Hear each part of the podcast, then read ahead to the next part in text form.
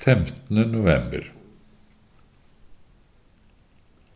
Vi henter dagens tekstord fra Lukas evangeliets tolvte kapittel, det 37. vers, som lyder slik.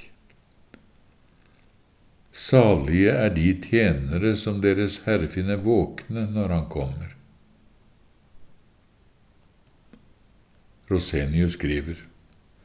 Salige er de tjenere, sier Herren. Og hvor salige eller lykkelige de er, det antyder han videre i verset slik.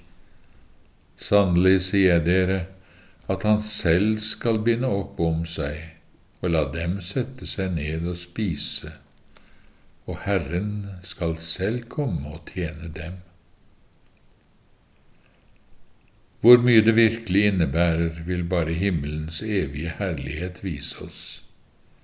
Men noe uendelig stort, og noe like fullkomment og virkelig er det når denne Herren sier det, og til og med understreker det så sterkt med ordene Sannelig, sier jeg dere.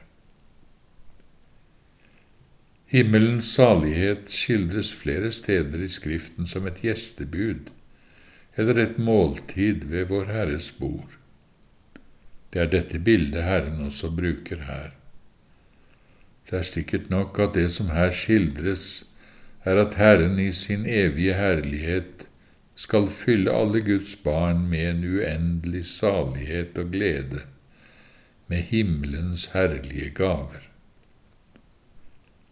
Men den måten Herren skildrer dette på, bør vi uten tvil også se nærmere på, for der gir han oss alltid dypere innblikk, både i sitt eget hjertelag og i selve det budskapet han gir oss med det bildet han bruker.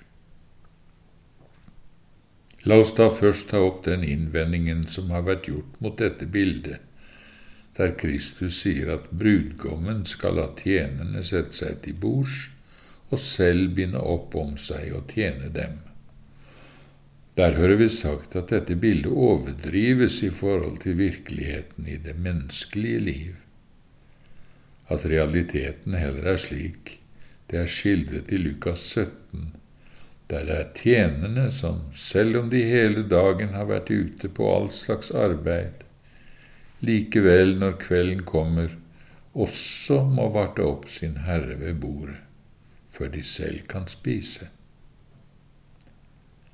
Det har vært oppfattet som å male med altfor sterke farger og si at brudgommen skal la tjenerne sette seg som herrer ved bordet.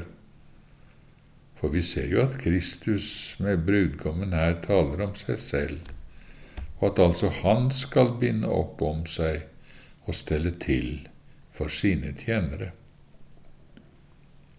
Men mot denne innvendingen har det også blitt gitt et godt og riktig svar og svaret er dette. Grunnen til at bildet overdrives i forhold til virkeligheten i det menneskelige livet, er at Kristus har nettopp her malt med selve saken han vil ha fram for øyet. Og det han vil ha fram, det han vil skildre, er det som skal komme, det himmelske gjestebudet, og sitt evige råd etter sitt hjerte om hvordan han da skal hedre og fryde dem som har vært tro imot ham. Men hans hjertelag og hans høye mål med oss overgår alt som noen gang er blitt sett på jorden. Og da er det en naturlig årsak til at bildet i våre øyne kan synes overdrevet. I denne himmelske herlighet skal ikke vi bare vente oss av Kristus det som ligger innenfor vår egen tankes grenseland, men noe som overgår all menneskelig evne til tenkning. For det øyet ikke har sett, og det øret ikke har hørt, og det som ikke kom opp i noe menneskes hjerte, det har Gud beredt for dem som elsker ham. Når Gud allerede i skapelsen gjorde så allmektige ting at ingen mennesketanke kan fatte hvordan det kunne skje, så skal han også bevise sin store og overmenneskelige allmakt i den nåde og salighet han skal gi alle sine venner, når den tid kommer at han skal forfriske og glede dem etter alle deres lidelser.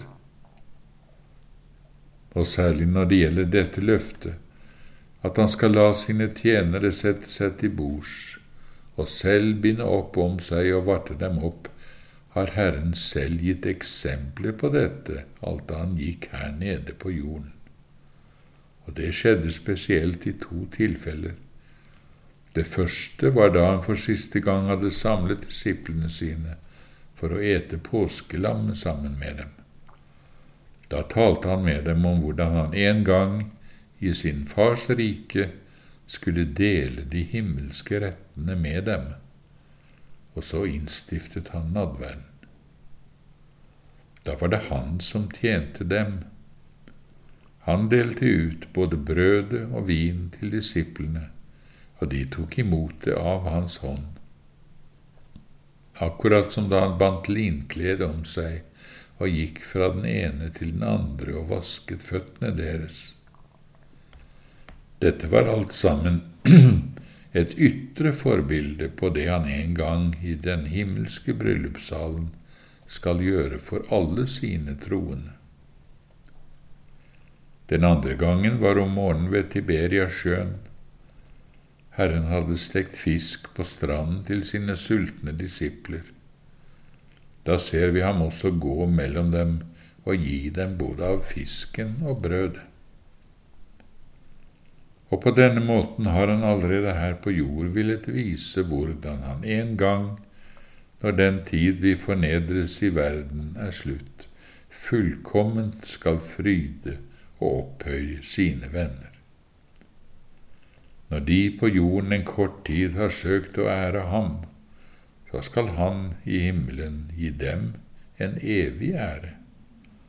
Når de i livet her har bundet opp om seg for å tjene ham, skal nå han binde opp om seg og tjene dem og når de i livet her har bekjent ham overfor menneskene, skal nå han bekjenne dem overfor sin far og hans engler.